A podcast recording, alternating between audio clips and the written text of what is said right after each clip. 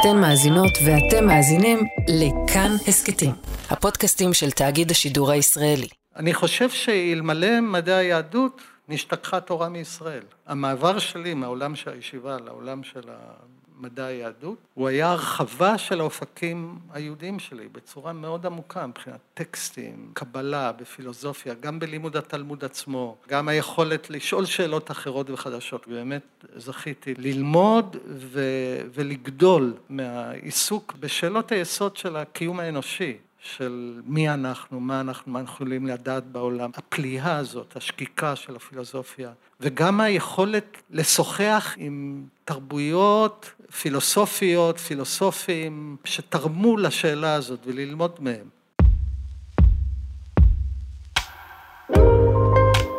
ברוכות הבאות וברוכים הבאים להסכת הנני, שהוא שיתוף פעולה בין עלמה, בית לתרבות עברית, לכאן הסכתים. אני רות קלדרון. בכל פרק אני פוגשת אשת או איש תרבות לשיחה על יהדות, על תרבות עברית, על הטקסט, על התורה ועל החיים. היום יש לי הזכות לארח את משה אלברטל. ברוך הבא, משה. שמח להיות פה. משה אלברטל נולד במונטווידאו, עלה לארץ כשהיה בן שמונה, והתגורר עם הוריו בירושלים. למד בישיבת ההסדר הר עציון ושירת בצבא. מהתואר הראשון ועד הדוקטורט למד בחוגים למחשבת ישראל ולפילוסופיה כללית באוניברסיטה העברית, בה הוא מלמד עד היום. היה ממנסחי רוח צה"ל, ומשקיע זמן רב במפגש עם מפקדים וחיילים. כמו כן כיהן כחבר הנהלת האגודה לזכויות האזרח, ועוד הרבה פעילות ציבורית. היה בין מייסדי תנועות עוז ושלום ונתיבות שלום, ששילבו זהות דתית ועשייה פוליטית לקראת שלום, פוליטית בפ' עדינה. כתב ספרים רבים שנעשו לספרי יסוד בפילוסופיה היהודית וההלכה, וניסח בעיניי שפה בהבנה פילוסופית של ההלכה.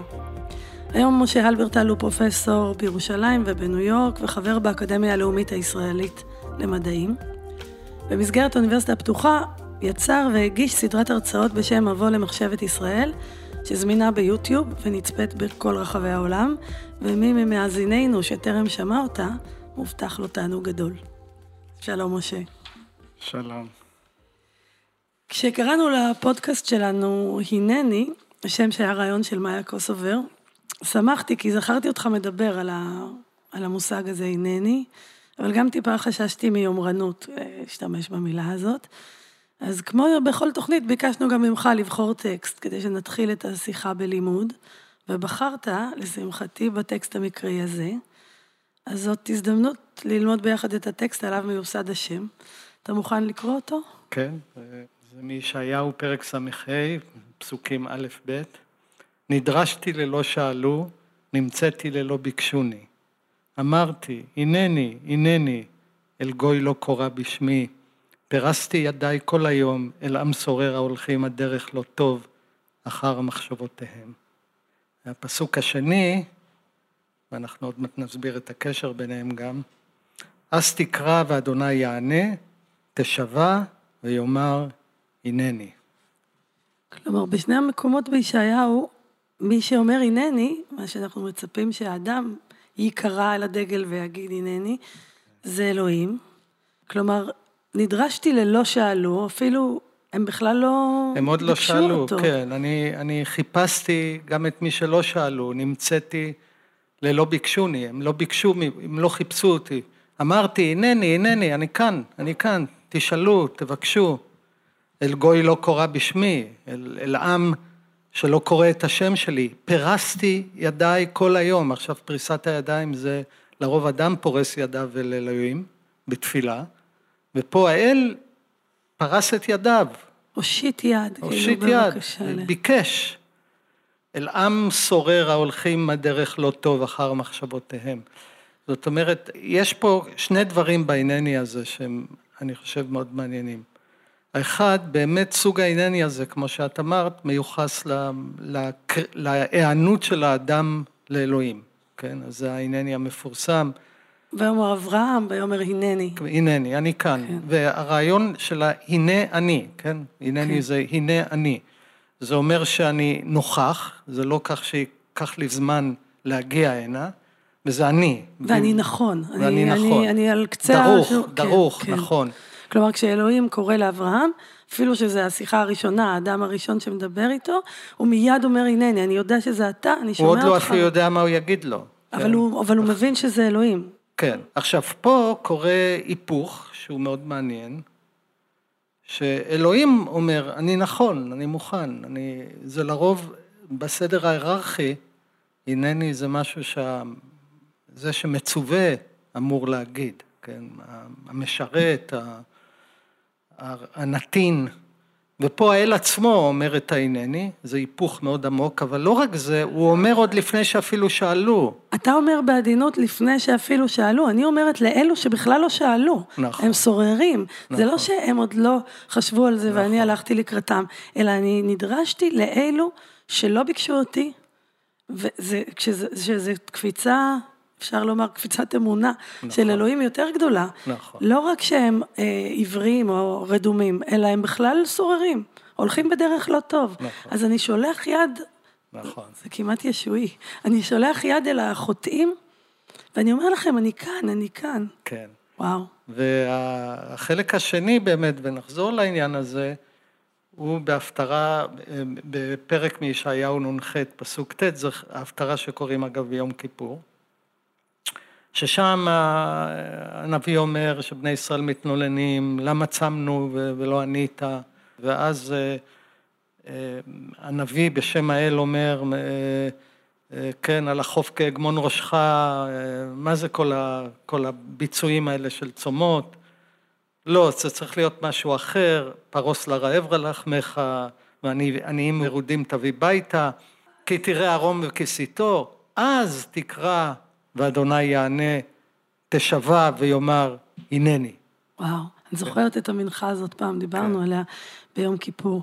עומדים כל הבורגנים המתפללים של העולם המקראי, ו- וצמים ומרגישים נורא מרוממים ודתיים, ואז הנביא אומר להם, בכלל לא את זה אלוהים רוצה, אלא שתהיו בני אדם, נכון. ושתהיו רגישים חברתית. הוא מבקש את האדם, כמו שאשל אמר. כן. הוא באמת, זה אני חושב הביטויים הכי חזקים, שהוא מבקש את האדם, הוא קורא לו. כן. הוא קורא לו לפעולה, להיענות, ליחס. ואפילו קצת עצוב שמישהו אומר הנני בלי שקראו לו. כן. בערך קסטנר, שאני מאוד מאוד אוהבת, באמיל והבלשים, אמיל גר לבד עם אמא שלו, שהיא אה, חופפת שערות, ענייה, והם רבים על משהו, היא כועסת עליו על משהו, אני כמעט דומעת, ופתאום הוא נכנס לחדר ואומר, אמא, קראת לי? אז היא אומרת, לא. Mm, אז הדבר הזה של להגיד הנני, אפילו שלא נקראת, זה כן. כזאת פעולה של, אה, כן. של אהבה, של געגוע. מעניין, ל- ל- לד- ליצור, זה לכתוב, מה- אלוהים זה כזה. מהרגעים, אני חושב, הכי גדולים, ואולי הכי מאפיינים את המחשבה הדתית של המקרא. הרגעים האלה בישעיהו השני. ממש לחד משהו מאוד מאוד עמוק. אבל מקרא זה אלוהים הכועס, הסדום, הזורק, האש. זה הרבה דברים, אה, ויש לו את הצד הזה של בקשת האדם, כן. שהיא מאוד עמוקה. אז איך זה בעצם מצייר את האדם היהודי? מה האחריות של האדם מול אל כזה? האחריות שלו היא היכולת שלו לתקן את עצמו ואת העולם שלו. ופה יש משהו מאוד עמוק שקשור בתודעה של מצווה. וציווי לא במובן של הוראה מריבון לנתין, אלא קריאה לפעולה. וגם של סוג של שותפות. אני כן. בראתי עולם, אבל אם אתם לא תנהלו אותו ממש כמו שצריך, אז אני, אין לי מה לעשות כאן לבד. מעניין, נהדר. אז עכשיו אני עוד יותר גאה שקוראים להסכת הזה, הנני. אמ, מתי הרצון שלך לקחת חלק, להשפיע, לקחת תפקיד, התחיל? אה, אני חושב שזה בא ממקום מאוד מאוד ראשוני, קשור בהיסטוריה משפחתית. אבא שלי היה ניצול שואה, ו... והוא באמת, רק הוא ואחיו שרדו. ו... ו... ופעם הייתה לי שיחה איתו, ואני חושב בגיל די מאוד צעיר, ושאלתי אותו, איך, איך יצאת משם בלי, ה... בלי כל התסמינים? כאילו, יכול להיות שלא ראיתי מספיק כילד, אבל עדיין. אז הוא אמר לי משפט ש... שזכרתי אותו הרבה שנים, הוא אמר לי, בכל מקום שהייתי, היה מישהו שסבל יותר ממני, וניסיתי לעזור לו, וזה מה שהחזיק אותי. לעניין הזה שהנתינה, שהיכולת לתת, היא גם מה שאנושי בנו.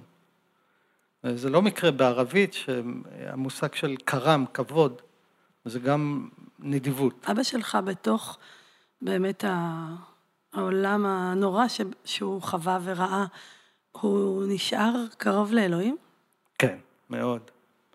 אבא שלי, כשבאמת במחלה הכי קשה שלו, כשהייתי שואל אותו מה שלמה, היה אומר לי בעגה הגליצאית שלו, הוידו לשם כי טוב, הודו להשם כי טוב.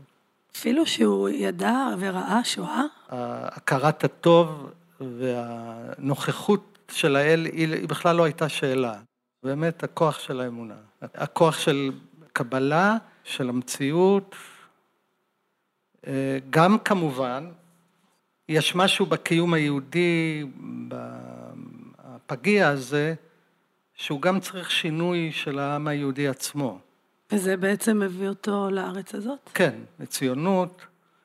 הוא בא ממשפחה חסידית מאוד לא ציונית, אבל הוא עבר שינוי מאוד עמוק, והאכפתיות וגם האחריות, האחריות לקחת אחריות. אתה נולדת באורוגוואי. כן. אתה זוכר משהו? עיקר הזיכרונות שלי הם מבואנוס איירס, כי המשפחה אחרי זה עברה לבואנוס איירס בגיל, כשהייתי בן חמש. כן, אני זוכר את, אני זוכר את ה... את ה... זה מעניין, הריח של המקום, mm. הריח של אור, אור, הכל מעילי אור, מגפי אור, תיקים של אור, הריח הדק הזה, אבל בעיקר, גם, זה מעניין, אבא שלי אמר לי שהשנים הכי טובות שלו בחייו היו באורוגוואי. יש משהו מקבל, חם מאוד, משהו ב, בלטיניות הזאת. מדהים שהם באים מגליציה, כן. והם מצליחים להתחבר כן. לבאמת עולם כי אחר. יש, כי יש קהילה גם, יש גם קהילה, ויש גם הדבר הזה של ה... יהודים ה, בכל היהודים, מקום. היהודים, יש להם איזה, בכל אופן איזה יכולת להתקומם, לא במובן של להתקומם נגד, אלא לקום. לקום, כן, וגם, וגם הסולידריות. ו... כן, ש... שם הייתה קהילה חזקה. קטנה, אבל חזקה. אבל בכל זאת הייתה תנועה לארץ ישראל? כלומר, למה לא נשארו שם? כן, הם הבינו שזה לא הסיפור היהודי, איך שהוא צריך להיות, שזה לא מה שנקרא המענה למצב היהודי. אבל אני זוכר, כן, אני, אני זוכר מאוד לטובה את, ה, את החום האנושי, את, ה, את, את ה, הדבר הלא אירופאי הזה, שהוא, כן, שהוא, יש בו הרבה יופי. שבעצם בתוכו גדלת, כן. זאת השכבה היסודית. כן. ואז הגעתם לארץ. כן. נדמה לי שאני זוכרת שהייתם בנתניה. יש לך איזה זיכרון מהגילים האלה? תראי, קודם כל, אבא שלי הוא, הוא, הוא ניצול שואה שבאמת בנה את חייו מכלום. בדי כמה ההורים שלך עלו? אימא שלי ילידת ירושלים. וילידת מאה שערים גאולה, וגדלה בעולם אחר וגם במצב אחר, אבל בעוני מאוד גדול, הם היו שמונה ילדים בבית, וסבי היה תלמיד חכם ליטאי שלמד כל היום, וסבתי באמת עבדה מאוד קשה. אז העוני היה גדול, אבל הייתה אהבת תורה גדולה וגם אהבת חינוך גדולה. אימא שלי נסעה ללמד עברית mm. בדרום אמריקה, ושם פגשה את אבא שלי. אז חזרו, אז אה, בפעם הראשונה חזרנו לשכונה דורה בנתניה. אתה זוכר את זה? אני זוכר את דורה, כן. זו שכונה קשוחה. אני זוכר שכשהיינו נוסעים לירושלים, הדלת הייתה נפרצת. אבל, אבל, אבל היו שם טיפוסים, היו שם, זה עולם, אה, עולם מאוד עשיר גם. אז אחר כך עברתם לירושלים, ואז נכנסת למסלול כזה ירושלמי, איך אומרים? גדלתי בית וגן. בית וגן, זהו. ואז נתיב מאיר, אבל משם אתה עושה איזה תפנית מיוחדת לך, כי אתה לא במסלול, מה שקוראים היום ציונות דתית, אה, רג, רגיל, כן. ומה קורה שם? בימים, ש... בימים שגדלתי בתיכון, בסוף הישיבה התיכונית, אה, זה היה אחרי מלחמת יום כיפור, וזה היה באמת השיא של ההתלהבות המשיחית של גוש אמונים. באיזשהו מובן הרגשתי אה, זר לה על כמה רמות. קודם, המציאות, ההתעלמות מה, מהמציאות הקונקרטית שפגשתי אותה כשהייתי בישיבה בגוש עציון, פשוט הפלסטינאים. ו... המחסומים. המחסומים, אז היינו עוברים גם דרך המחנה פליטים דהשע, היום כבר לא עוברים. המחסומים, הכאב, אה, וזה שמה שנראה איזו הוויה הרמונית של, של התקדמות, הוא פשוט נראה אסון מוסרי, אה, אנושי. אה, וכשזה גם מלווה בתפיסות משיחיות, זאת אומרת שכאילו משק ההיסטוריה הוא איתך, אתה יודע מה אלוהים רוצה. אתה מגייס את אלוהים בעצם ל... כן, אני, אגב זה מעניין כשמדברים על החורבן, בתשעה באב וככה, ואומרים שנאת חינם, הם רבו, אבל באמת הבעיה בבית שני, במרד הגדול, זה שהם חשבו שהפרובינציה הקטנה הזאת יכולה לנצח את הרומאים, כי אלוהים איתם. אז ההנחה ש... ההתעלמות מהמציאות, שכן, שהיא אגב הנחה, היא מאוד זרה לתודעה היהודית לדורותיה, כן, יש, יש מאמר, מאמר בעבוד רבי נתן, שאני מאוד אוהב, של רבי יוחנן בזכאי, שאומר, אם יש לך נטייה בידך, ומגיע משיח, ואומרים לך משיח בא, קודם טע את הנטייה, ואחר כך צא וקבל בני משיח. כאילו איזה מין אה, פיכחון גם, שהוא גם מאוד הלכתי. מאוד מבוגר. ואגב, עוד מאמר, יש סיפור על רב חיים מבריסק, mm-hmm. שבתוך מלחמת העולם הראשונה נפגשו כמה תלמידי חכמים וככה, ורב חיים ישב שם, ואחד מהם מאוד ביכה את המוות, את האבדות, את הדם שנשפך. ואז הוא אמר, לפחות זה, נקווה שזה מקרב את הגאולה. ורב חיים מאוד כעס ואמר, ממתי שמענו שמשיח דוחה פיקוח נפש? הוא אמר, אם היו אומרים לי תקריב אדם אחד ומשיח יבוא, הייתי אוסר את זה מבחינה הלכתית. וואו. זה הרעיון הזה של קדושת החיים.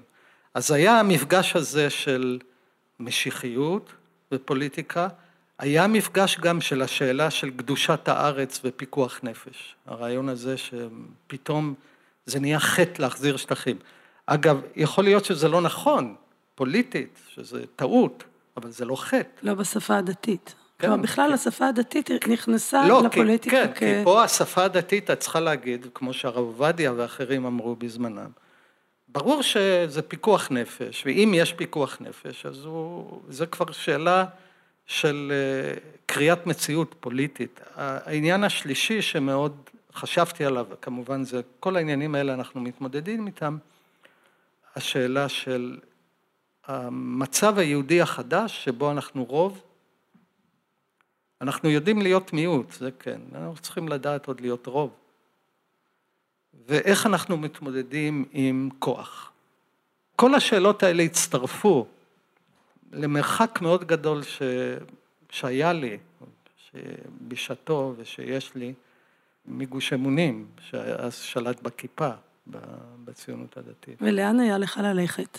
כמובן, היה מודלים, או היה תמונות עולם אלטרנטיביות אחרות, שאגב הם תמונות העולם המסורתיות של הציונות הדתית לפני גוש אמונים, וגם הכוחות הפנימיים של, של היכולת ל, להגיד לא, לחשוב, גם פה למלחמת לבנון היה אפקט מאוד חזק מבחינת ההנחה שהישיבה בצד, עמדת התצפית הזאת, היא מותרות שאסור לאזרח לקבל, ובטח לאדם שהוא נדרש, שנקרא, שמצווה.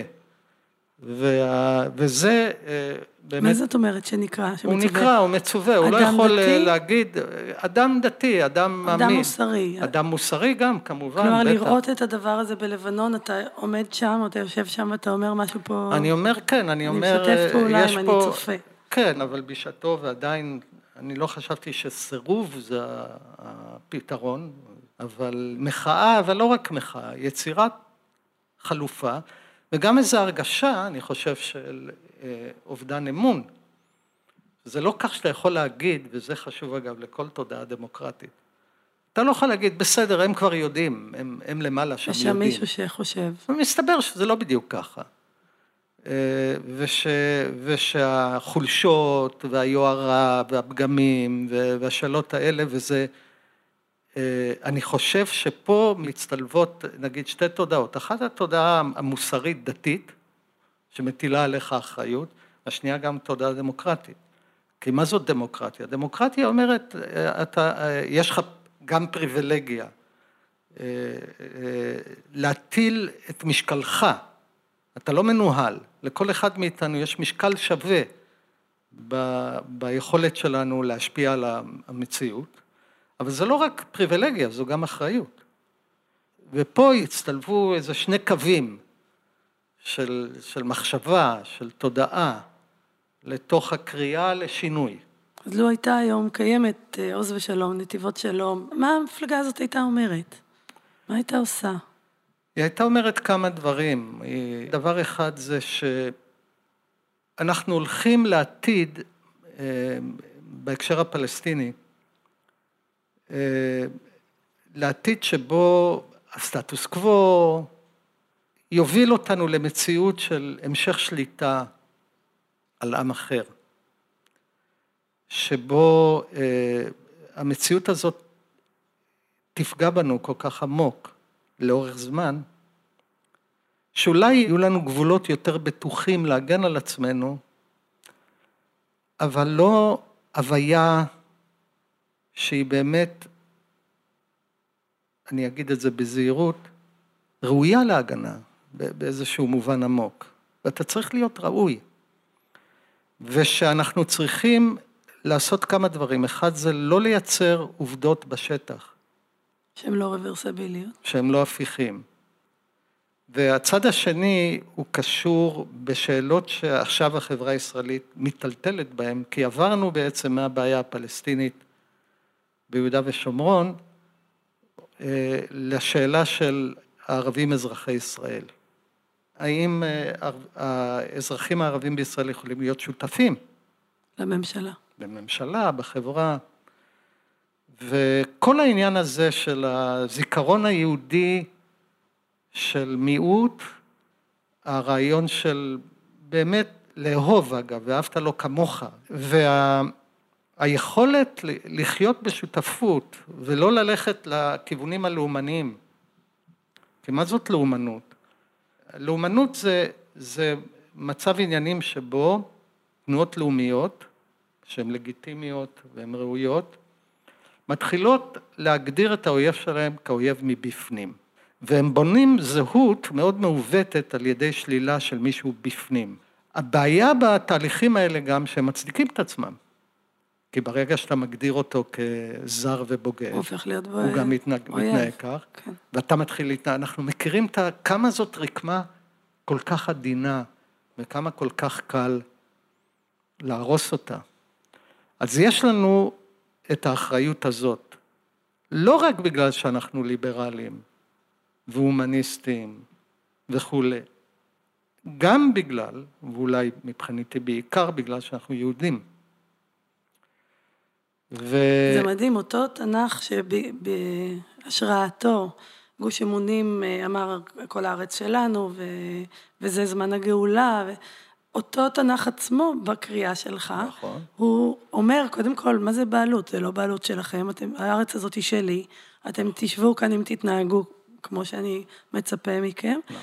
וגם באמת את הקול הזה שמעניין שהוא נע, נע, נעשה, נהפך להיות uh, קול מיעוט בעולם הדתי. כן, אבל יש לי, אי אפשר יהיה ליטול את האותנטיות שלו. הוא נמצא שם, אני זוכר מילדותי, אני זוכר... אני זוכר רגישויות, אני זוכר אה, אנושיות, אה, והוא גם מאוד עמוק, עכשיו הוא נאבק, זה נכון, זה מאבק פנימי, זה אם נרצה מלחמת תרבות בתוך התרבות, מלחמת דת בתוך הדת. באיזשהו אופן אני מרגישה מלימוד התלמוד, ש... שהתפיסה החדשה הזאת, הלאומנית, וה... היא רפורמה, היא לא, היא לא טבעית לצורת המחשבה כן, היהודית של כל הדורות. נכון. אז הקול הזה, אני רוצה לומר, מאוד מאוד חסר. אבל אני יודעת שאתה באופן אישי אה, פוגש הרבה מאוד, הרבה מאוד אה, חיילים ומפקדים ואת האלופים.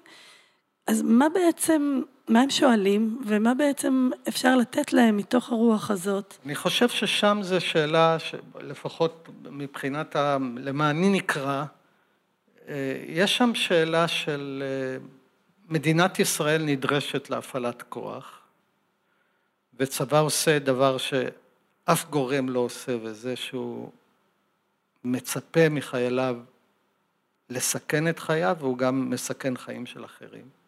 הוא עוסק בדיני נפשות. ואז השאלה היא, ואגב, במציאות שהולכת ונעשית מורכבת, כי זה כבר לא שני צבאות שנפגשים בסיני או בגולן, זה כבר... בכל מקום. ו... בכל מקום, ומעורב בתוך אוכלוסייה אזרחית. וחיילים, מפקדים, החברה, הם רוצים לעשות את, את מה שמוטל עליהם, לעמוד במשימתם, אבל גם רוצים לצאת משם כבני אדם. וזאת אחריות של אלה ששולחים אותם, לתת להם הכוונה, הכשרה, בשאלות ערכיות שבהן הם יתמודדו. כשהם בגיוס חובה ומאוד צעירים. ממש, הם מאוד כן. צעירים. ו, ולכן בעניין של רוח צה"ל, בעניין של מה שנקרא טוהר הנשק, זה שאלות מאוד בסיסיות של התנהגות בהפעלת כוח. איך יורדים לרמת הלכה של זה? הדבר הראשון זה שמה ש, שנקרא גם בשפה האתית זה הכרחיות. זאת אומרת, כוח אתה מפעיל רק במה שהכרחי למטרה שלך, למשימה שלך. אז אם אתה שובר דלת, ולפעמים אתה צריך לשבור דלת, לפעמים אפילו אתה צריך לפוצץ קיר, כי יש אה, מחבל בתוך הבית, זה לא אומר שמותר לך גם לשבור את הטלוויזיה. כי אין שום קשר בין שבירת הטלוויזיה והמשימה שלך. ומה שמבחין בין חיילים לכנופיית בריונים, זה הכרחיות. אה, זאת אומרת שכוח אתה מפעיל לא כי יש לך כוח, אלא בגלל שזה, יש, יש משימה פה שאתה וכולי. ואם אתה צריך, בגלל שאין ברירה, לפתוח ציר באיזה שדה, כי אתה לא רוצה שהכוח יעבור בדרך, איפה שמחכים לו, אז את הרמת, כמות ההרס שאתה עושה היא אותה כמות שהיא הכרחית למעבר הכוח. אתה לא אומר, אוקיי, אני כבר כאן, יאללה, שלחו עוד קלים, שלחו. זה נורא יפה, כי התודעה הזאת של מפקד צעיר, מפקד כן, קטן, כן. אני עובר בשדה, כמה מינימום נזק אני אעשה, הופך אותו לבן אדם שם. ושומר עליו נכון, באמת מבחינת נכון, הכבוד נכון. האנושי שלו. ואני חושב אגב שחיילים ומפקדים ואחרים בחברה הישראלית במובן הזה היא לא מעוניינת שהחיילים שלה יהיו כנופיות. ברור, הם אחר כך, הם הילדים שלנו בדיוק. ובני הזוג שלנו וההורים ו- שלנו. זה דבר אחד. דבר, הדבר השני זה הבחנה, זה אומר שאת ה, הירי המכוון שלך, שאתה מכוון, אתה מפעיל נגד גורם שמאיים עליך באופן פעיל. חס ושלום, לא לכוון לפגוע באזרחים, באנש, בילדים לא מעורבים. וזה מה שמבחין בין טרוריסט רוצח לחייל. זה מרתק בעיניי, הפעולה הזאת שעשית מעקרונות לממש, כמו שקוראים במשניות, דבר ספציפי, ב... שבסוף אתה לומד איך להפעיל אותו, איך לממש כן. אותו בחיים, ואני כן. נורא שמחה שהמפגש הזה בין החשיבה לצבא, זה, כן. זה צבא מיוחד, זה לא כן. לא בכל צבא. אה, יזמינו אדם לדבר איתם על הגבלת כן. התודעה של החיילים. ניסינו פעם ביחד בכנסת התשע עשרה לתת להכרזת העצמאות מעמד משפטי של מבוא לחוקה. אתה עוד מאמין שזה רעיון טוב? אני חושב שזה רעיון נפלא, כי יש למגילת העצמאות בכל אופן איזשהו מעמד, אבל גם בגלל שהוא באמת ניסוח מאוד חזק של איזשהו אתוס של מדינת לאום יהודית, עם, עם צידוק עמוק שלה, אבל עם העובדה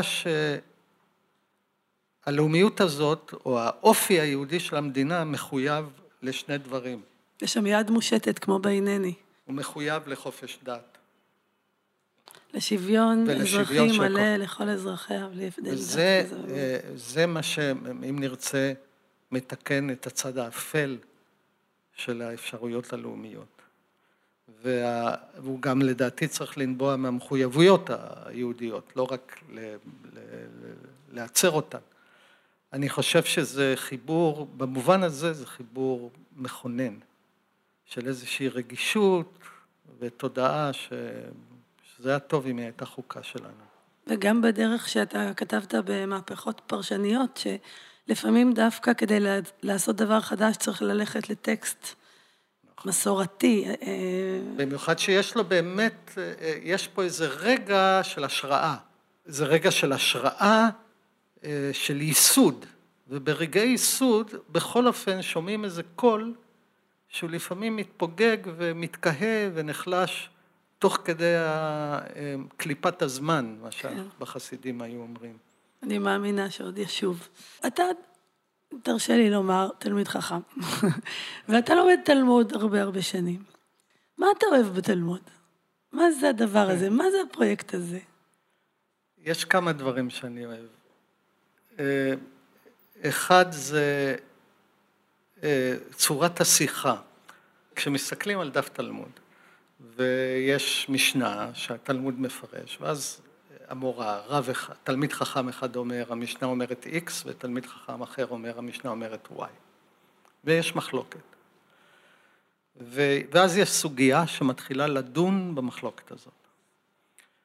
וזה דבר מאוד מעניין, כי זה יהיה כישלון לסוגיה אם היא הצליחה לפרוך את אחד העמדות. זה כישלון. וסוגיה זה המאמץ להחזיק את כל העמדות כעמדות אפשריות. זה תרגיל מאוד עמוק וחשוב. כלומר, יוצרים כאן איזו יצירה, יצירה ספרותית אומנותית רחבה ומורכבת, זה ה... אז זה כמו- דבר אחד, כן, הדבר הזה ש... ש... שבתוכה מת, מתבררת השאלה? כן. והדבר השני שמאוד אהוב עליי זה באמת אה, הרגישות למקרה המסוים, אם נרצה, תביעות קטנות, כן? תלמוד זה טקסט של תביעות קטנות במונחים משפטיים. ו, וכמה אפשר ללמוד מ... סיפורים פרטיים. מסיפורים מאוד פרטיים.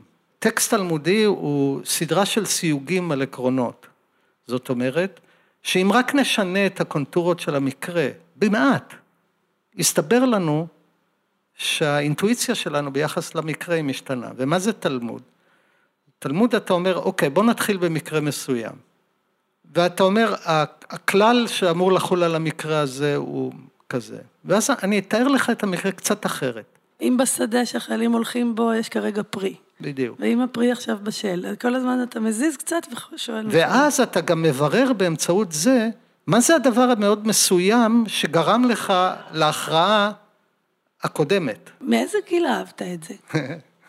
יש איזו אהבה שהיא פרה-מושגית, היא כמעט שפתית. זה איזו נחמה אה, לשונית כמעט, זה, זה כמו שפת אם.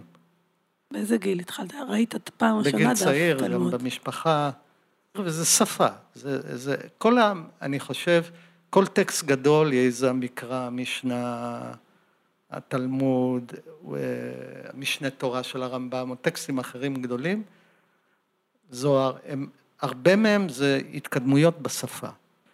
וזה שפה והכוח של השפה, מהמרחב של המילים, אז יש תשוקה ואהבה שהיא פרה-תיאורית במובן הזה, כמו אדם ששומע איזה שיר ש... שהוא גדל איתו. אבל כל השנים שמצטברות ומצטברות אה, של הלימוד, מה קורה לך ל... לאהבת התורה הזאת? כי היא כבר לא זרה לך, בכל זאת זה קורפוס שאתה אחד הדבר מכיר. שקורה לי זה שככל שאתה מעמיק בפילוסופיה נגיד, אתה חושב על שאלות שלא קשורות בכלל לתלמוד, אתה לומד טקסטים, פילוסופיה. ואז אתה חוזר אל הטקסט הזה עם, עם שאלה אחרת לגמרי, ופתאום הוא נפתח אחרת, mm. כך שהאינטראקציה פה עם הסביבה היא מאוד מעניינת, מבחינת יכולת לחזור אל ה... כי הטקסט לא יענה לך על שאלות שאתה לא שואל אותו. אבל הוא עומד, אבל... הוא מספיק עמיד בפני שאלות חדשות שהבאת כמבוגר. בדיוק, כולל גם אגב כמובן מרחק ואכזבה וגם ניסיון, יש כמה טקסטים שאומרים, מעמידים אותך בניסיון, שאתה אומר וואו, לא בטוח שאני רוצה להמשיך פה. כן. אז מה היום בעולם שלנו, מה צריך להיות בן אדם שלומד, שהוא רוצה להיות ממשיך, של דמות הגיבור היהודי הזה, תלמיד חכם? אני חושב שזה, קודם כל העולם של לימוד, וזה כמו שאמרתי גם עולם של שפה ואהבה גדולה. פעם תלמיד אחד שלח לי מכתב ואומר לי, יש מלגה, אני רוצה שתמליץ עליי, שיכתוב לי מכתב כן. המלצה למלגה. ואני בדיוק כמה ימים לפני זה כתבתי למישהו אחר לאותה מלגה. אמרתי לו, תראה, קניתי לו אני מצטער, כבר כתבתי המלצה, לפעמים זה לא טוב, ואז באמת לא עברה דקה, והוא כותב לי משפט אחד. הוא כותב לי, הברכה אחת לך אבי. איזה יופי. כן? שזה המשפט ש... שעשו אמר ליצחק, שיצחק סיפר לו שיעקב לקח את הברכה. הוא אומר לו, הברכה אחת לך אבי. וזה מעניין האפקט של המשפט הזה עליי. קודם כל, מיד התיישבתי לכתוב. כי הוא שותף בשפה.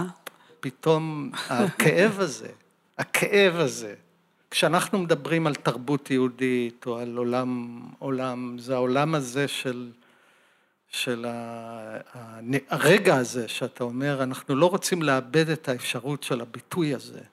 גם השותפות הזאת, שלו. כאילו היה כאן משהו אה, מעבר לזמן, שהוא, שהוא נת, הוא הפעיל את הקוד ואתה מיד אה, הופעלת. אני גם חושב כן, באופן יפה. עמוק, שגם מחויבויות הומניות אוניברסליות, כשהן מעוגנות ב, בעולם המאוד פרטיקולרי, הן הרבה יותר עמוקות.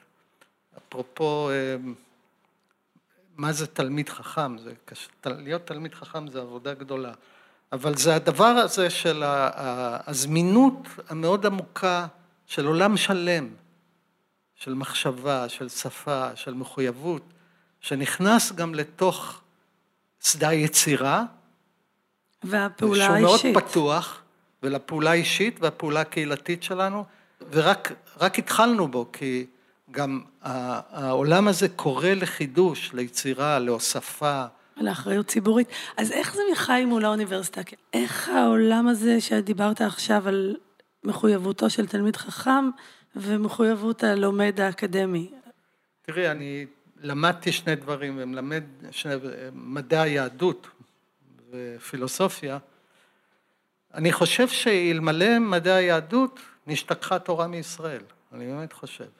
זאת אומרת, המעבר שלי מהעולם של הישיבה לעולם של מדע היהדות, הוא היה הרחבה של האופקים היהודיים שלי בצורה מאוד עמוקה מבחינת טקסטים, קבלה, בפילוסופיה, גם בלימוד התלמוד עצמו. וגם דיבור ביקורתי ושאלות. וגם דיבור ביקורתי, וגם היכולת לשאול שאלות אחרות וחדשות. באמת זכיתי ל...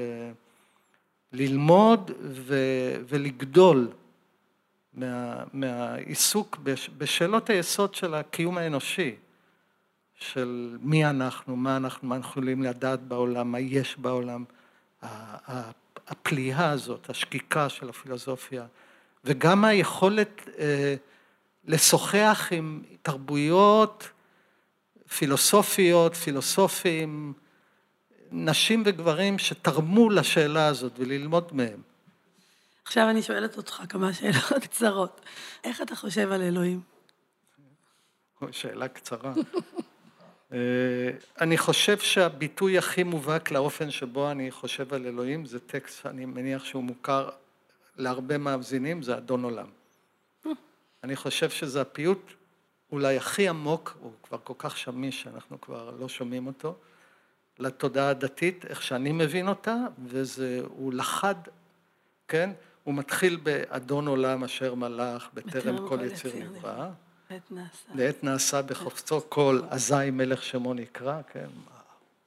השגב האדיר של האלוהות, כן? והוא היה, והוא. הווה, והוא יהיה בתפארה, הוא אחד ואין שני, לעם. שילה, להכבירה, יש זה, בלי ראשית. בלי ראשית, בלי תכלית, ולא העוז. והמשרה. זה הכל אה, איזה שגב, וזה אגב באמת דבר מאוד עמוק בתודעה הדתית.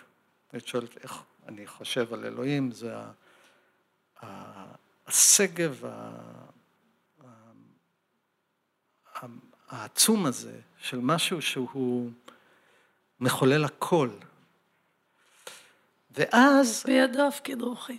ואז יש את המפנה הזה, שהוא גאוני, שהוא פה עשה את כל העבודה. זה רגע שפתאום כל הפיוט משתנה. והוא, הוא, כל ה... היש הזה, והוא אלי, וחי גואלי, וצור חבלי בעת צרה, והוא ניסי ומנוס לי, מנת כוסי ביום אקרא, כן? בידו הפקיד רוחי. אישן ועת ואני- אישן ואירה. ואם רוחי גבייתי, אדוני. לי ולא יירא.